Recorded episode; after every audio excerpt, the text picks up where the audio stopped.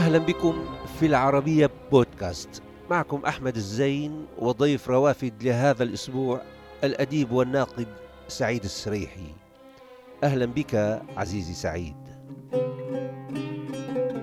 في مدينة جدة أو بالأحرى على تخومها في الطريق إلى المدينة المنورة بنى هذا الرجل بيتا حين تدخله يبدو لك أنه مؤات لطقوس التأمل والعزلة. ومن يبتعد عن الصخب لابد أنه يريد الاقتراب أكثر من نفسه ومن ذواته. ولابد أن يكون ممسوسا بأسئلة الغيب والوجود ومستسلما بمقدار ما لبعض ما يستعصي على الفهم أو الإدراك. استسلام الذي يعلم أنه لا يعلم كما يقول. وهذا يكفي لبدء تشكل السؤال. ربما ربما الذي يأسرني في في هذا الجانب الديني أنه يظل مجال آه، متعالي على إدراكي متحدي لإمكانياتي. يفرض علي بساطة الإنسان أمامه. واستسلامه لقدره كما تستسلم لموتك. وفي فاتحة القرآن يعني في بداياته الذين يؤمنون بالغيب والغيب هو كل ما غاب عن العقل إدراكه وفهمه. ففي كل دين ميتافيزيقا متعالية على الفهم وقيمتها أن تبقى متعالية على الفهم. كأنما كأنما هي آه توقظ في الإنسان استسلاما قديما. الله استسلاما قدريا. غامضة كغموض الموت كغموض الولادة. دعني أقول أن هذا الاستسلام هو استسلام للغيبي في النص المقدس غير أن جانب التعاملات وجانب العلاقات بين البشر هو جانب يحتويه الوعي ويتفهم وتقوم عليه العلاقات الإنسانية بين الأفراد وبين الشعوب وهو قابل للتفهم قابل للتعامل معه نعم. قابل أيضا لوضعه مواضعه في السياقات السياسية والتاريخية والاجتماعية. هناك دون شك سوء استخدام للنص المقدس. هناك دون شك توظيف للآخرة من أجل مكاسب الدنيا. هناك دون شك اجتزاءات للنص المقدس كذلك. لمآرب خاصة يتخذون القرآن لكي يحققوا من ورائه ما يريدون. هذا هو طابع الجماعات المتطرفة والأحزاب الدينية كذلك. توظيف النص لغرض سياسي. لا أعرف لماذا بدأ الحوار معه من هذا المطرح العصي ليفضي بنا إلى متواليات من الأسئلة حول الحياة والمعرفة والثقافة. والسياسة. هو سعيد السريحي يعديك بطمأنينته فهو هذا المزيج العجيب بين الروحاني والعقلاني غير مسرف في الكلام مقتصد في بلاغته وعميق في قوله منساب كتدحرج رمل كثيب يجذبك بسحر إيقاعه للإصغاء. هكذا بدأ الحوار من ذاك الغامض وشكل كل ذلك مدخلا للسؤال عن كتابه الأخير كي لا نصح ثانية وطبعا أنت كتبت هذا الكتاب كأنه كأنه يتضمن تحذير يتضمن تحذيرا معينا خايف من أن تعاد الكرة مرة أخرى لذلك لابد نعم. من التفكير مليا نعم. بكل شيء حاولت بتاريخ وبأسباب هذه الصحوات نعم. حاولت أن أجيب على سؤال ظل مؤرقا لي. كيف استطاعت الصحوة أن تستغفر المجتمع وأن تهيمن عليه أربع عقود؟ ما هي الآليات التي استخدمتها الصحوة في فرض هيمنتها؟ قلت لكي نتجنب عودة الصحوة في أي وقت فعلينا أن نتفهم الخطاب الذي استخدمته والآليات التي تعاملت بها لكي تفرض هيمنتها والأدوات كذلك. لذا أزعم أن كتابي هو محاولة لتقويض خطاب الصحوة من داخله آه، تبين تبيين المخاتلات التي مارسها هذا الخطاب خلال هذه العقود واستطاع من خلالها أن يهيمن على المجتمع وأن يقدم صورة لمجتمع منغلق محافظ باعتبارها صورة إيجابية لهذا المجتمع تتدثر برداء الخصوصية والمحافظة على الدين والمحافظة على القيم والعادات فاستغوانا واستهوانا منه هذا الجانب. يعني هو في جانب لعب على العاطفي والغريزي والتخويف أيضا. بدون شك.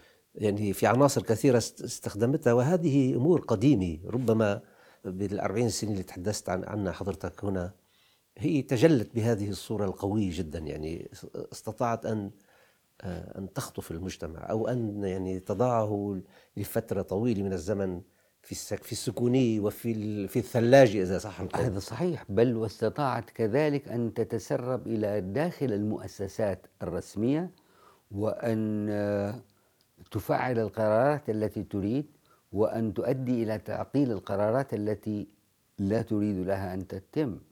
كانت كانت هي أسرت المجتمع وأثرت على قرارات السلطة في وقت من الأوقات. نعم. دعني أقول لك أن أحد كبار جماعة الإخوان المسلمين كان مستشارا في وزارة المعارف بل كان مسؤولا عن طباعة المناهج. وإبان ذلك طبعت كتب سيد قطب ومحمد قطب وأبو الأعلى المودودي وكانت توزع على المدارس ويوصي الأساتذة الطلاب بقراءتها. إذا لم يهيمنوا على المجتمع وإنما هيمنوا كذلك على, العقول. على القرار على وعلى صناعة آه. العقول وعلى التأثير في الأجيال. نعم نعم. قبل ما أنتقل للسؤال الآخر هو آه، كي لا نصحو ثانية. ربما وأنت طبعا شغلتك شغلتك أن تقرأ النص. أي نص أمامك؟ تعمل في الفكر في النقد في قراءة الأشياء يعني بزاوية منفتحة حرة بمقدار ما يعني. يعني يبدو من وقت طويل كما ذكرت من وقت طويل في الزمن يعني قرون وليس أربع عقود قرون طويلة. دائما هناك من يأتي ويختار من النص ما يمكنه من التسلط. هذا صحيح. منذ لذلك لذلك السؤال هو ألا تعتقد انه التراث بشكل عام يحتاج لقراءة جديدة وجدية تخضع لمعايير معرفية مختلفة؟ بدون هذا شك بدون شك. نعم. دعني أستشهد بمسألة استشهدت بها من قبل. حينما نقرأ سيرة النبي صلى الله عليه وسلم فإننا لا نقرأ سيرته كإنسان كنبي كبشر. نقرأ سيرته كقائد عسكري. ارتبطت السيرة النبوية بالمغازي. لذلك درج في المعارف الإسلامية اسم المغازي والسير. المغازي والسير. كأنما السيرة هي الغزوة. لم تحفل كتب التاريخ وكتب السيرة بالجانب الإنساني في شخصية النبي. فما بالك ببقية الأشخاص؟ جاءتنا سيرة النبي الإنسان من كتب الفقه ومن كتب الحديث وليس من كتب التاريخ. مم. تاريخنا الإسلامي مرتبط بالفتوحات والغزوات والمعارك. نحن نعرف يا سيدي الكريم كيف انتشر الإسلام بالسيف غربا حتى بلغ الأندلس ووسط فرنسا. ولكننا لا نعرف كيف انتشر الإسلام شرقا حتى بلغ جزر الملايو, الملايو والفلبين وتلك الأرقام لأننا نعرف من تاريخنا ما هو معسكر منه ولا نعرف من تاريخنا ما هذا التاريخ إنساني. موجود يعني ممكن الواحد يعثر على مخطوطات محققة أو غير محققة ليس على لغة على على دراسات. تعرف اليوم علم التاريخ هو يخضع لل علم الآثار بدون شك الأركيولوجيا يعني شك. هناك الكثير من المغالطات في التاريخ يكشفها قد لا يكون قد لا يكون سهلا العثور على تاريخ انتشار الإسلام بالقدوة شرقا. لكن علينا حينما نقرأ تاريخ انتشار الإسلام غربا أن نقرأه بحذر. فليس هذا هو الإسلام في جانبه الإنساني في جانبه النبيل. هذا هو الإسلام الذي فرضته ظروف المعارك وليس هو الإسلام. لذلك أنا أعتقد أن داعش هي وريثة ما كتب عن انتشار الإسلام غربا وليست وريثة الإسلام الذي دخل الناس فيه الإسلام أفواجا. ليس إسلام المثل والقيم ليس إسلام التسامح وإنما هو إسلام المعارك والقواد والفتوحات والمغازي وما يحصل من وراء ذلك. نحن نتباهى أن المعتصم آه، دخل عمورية وأحرق سبعين ألف رجل فيها. ونردد مع آه، أبي تمام سبعون ألفا كآساد شرى نضجت جلودهم دون أن نعي أننا نتداول خطابا لا إنسانيا. في القتل. في القتل علينا إذن هذا ما أسس كما تفضلت العنف. للقتل والعنف. إذا علينا أن نعيد قراءة تاريخنا بوعي. بالعودة إلى التيارات يعني التي اختطفت البلاد ومستقبل المجتمعات العربية بشكل عام يعني وهي منتشرة في يعني في نسختين أو هي عملة واحدة في وجهين السني والشيعي يعني. هذا صحيح. واضح يعني. هي اختطفتها ولم تزل. وهي حاضرة إلى وعندها ارتكازات وتأويلات للنص مثل ما ذكرنا. هذا صحيح. ما الذي ينبغي عمله كي لا تعود للعب في هذا المطرح؟ وأظن أن لديها القدرة المالية والمؤسساتية أيضا. لم تزل موجودة. وتعرف كيف تؤجج العواطف والحساسيات. بما فيها الحساسيات المذهبية. هذا صحيح. أعتقد أننا بحاجة إلى مسارين متوازيين. مسار القرار. الذي يتخذه كل قائد مخلص لأمه لأمته وبلاده وشعبه والأمانة الملقاة على عاتقه. أما الأمر الآخر فهو الدراسة المتمعنة لكيفية عمل هذه الجماعات آليات الخطاب لديهم كيف يمكن أن يستدرجوا المجتمع. ودعني أضيف شيئا ثالثا. تفضل. دعنا نشعر المجتمع بأنه مجتمع حر. لا يمكن لهذه الجماعات أن تفعل فعلها في مجتمع يستشعر حريته ويستمتع بها. يعرف يعرف الحياة كقيمة.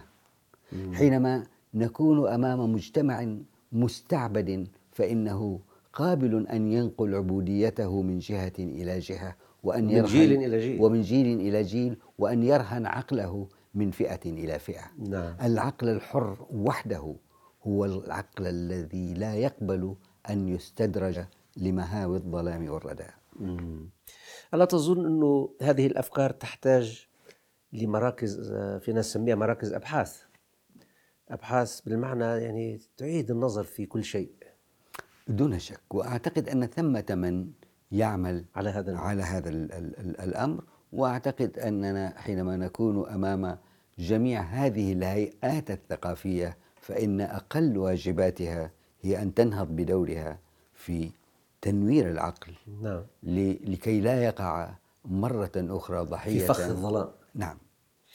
بكل الأحوال يعني بنتابع هذا الشق من من الحوار الجميل في السياق يأتي. ولكن الآن ما حدث في المملكة العربية السعودية هو تحول كبير. البعض يسميه ثورة والبعض يسميه هو الربيع العربي.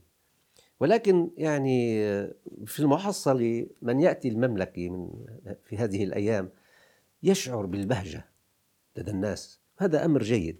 نعم. يعني فرحان الناس يعني في شيء يفرح وفي طبيعة بالحياة يعني. نعم. وكأن الإنسان عاد إلى طبيعته. كان خارج طبيعته. هذا صحيح. كيف تقرأ أنت هذا يعني هذا التحول من من زاويتك؟ يعني زاويتك النقدية بصدق وبموضوعية أنا أعتقد أن ثمة صورة مغلوطة عن المجتمع السعودي كرستها الصحوة وجماعات الإسلام السياسي. نعم. كرست صورة من وكأنما هو مجتمع يخالف ويختلف بقية عن بقية شعوب العالم. كأنما هو مجتمع ولد في الآخرة وليس مولودا في الدنيا. ولد في الجنة وليس مولودا على أرض الجزيرة. هذه الصورة النمطية التي تم تكريسها للمجتمع لم تكن صورة صحيحة. خلف هذه الصورة النمطية كان مجتمع يحيا حياته الطبيعية. من أكثر المجتمعات حبا للسفر تعاملا مع وسائل التقنية انفتاحا على العالم؟ نعم على العالم. وعلى الآخر؟ وعلى الآخر. حينما جاء برنامج الابتعاث الذي قاده الملك عبد الله رحمه الله اكتشفنا أن هذا المجتمع يبعث بناته يبعث بناته وأولاده إلى مختلف دول العالم دون أن يتهيب ودون أن يتخوف. هذا المؤشر حينما يبلغ عدد الطلاب والطالبات المبتعثين مئتين ألف معناها أن المجتمع ليس كما تصوره جماعات الصحوة.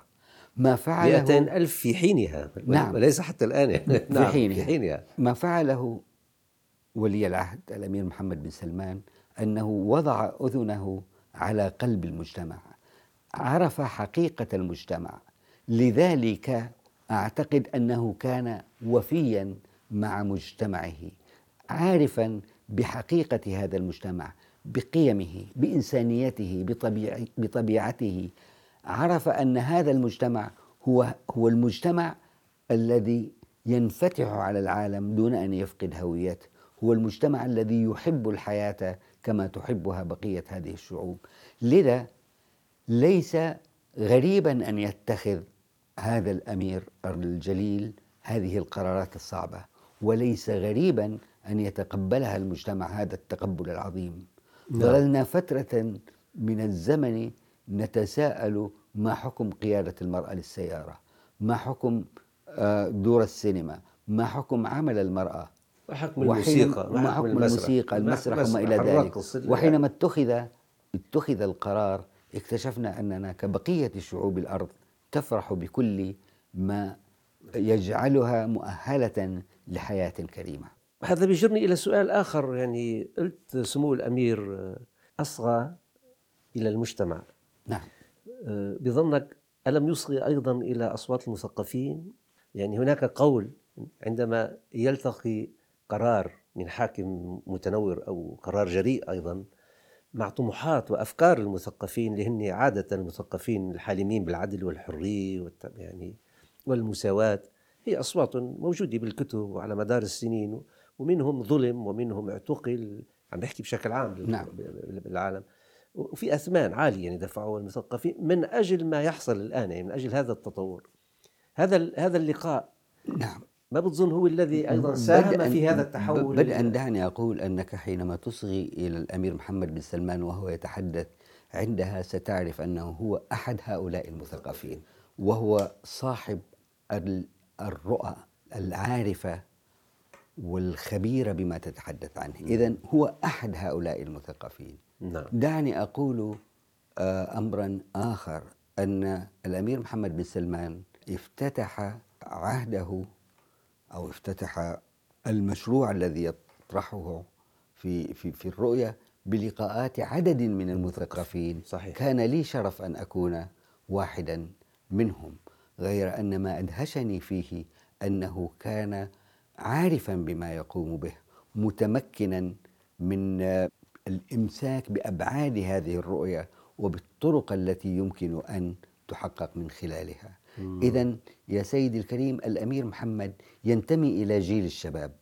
صح. هذا الجيل الطموح جدا والقادر على اتخاذ القرار والشجاع جدا والمتحمس لما يؤمن به وهو إضافة إلى أنه ينتمي إلى هذا الجيل فهو مثقف وهو آه، حريص على أن يقيم الجسور المتينة مع كافة فئات المجتمع وعلى نحو خاص مع المثقفين, مع المثقفين منه.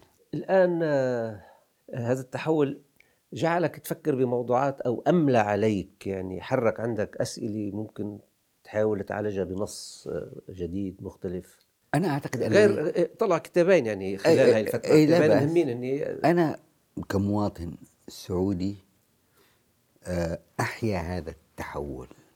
أندمج فيه أشعر بالزهو أنني أحياه. حينما استمعت للأمير محمد وهو يقول لن نضيع ثلاثين سنة أخرى, أخرى من أعمارنا. ثم يقول سندمرهم الآن وفورا. لحظتها شعرت أنني أسمع كلمة لم أكن أظن أن العمر سيسد لي لكي أسمعها. شعرت لحظتها أنني أسجل انتصارا شخصيا حلو. على ما حدث ليس لي وإنما لمجتمع للإنسان لبلدي في للإنسان في هذه المستقبل لذا أقول أنني أحيا هذا التحول أحيا حياة المغمور به وأشتغل في نفس الوقت على أطروحاتي التي ظلت بدأت فيها. تحلم أن تكون تحت ظلال وطن كهذا الوطن. سعيد السريحي البدوي الصغير الحائر في مدينة جدة قبل حوالي ستين سنة كتب الأقواس تعبيرا عن تلك الحيرة عن تلك الهوية الرجراجة آنذاك. ويبدو ما حلم به على مدار هذه السنوات الطوال وحاول التعبير عنه بمستويات معرفية مختلفة تحول اليوم إلى حقيقة. فكتب كي لا نصحو مرة ثانية. وهذا العنوان يتضمن تحذيرا من السهو مرة أخرى والوقوع في الأسر.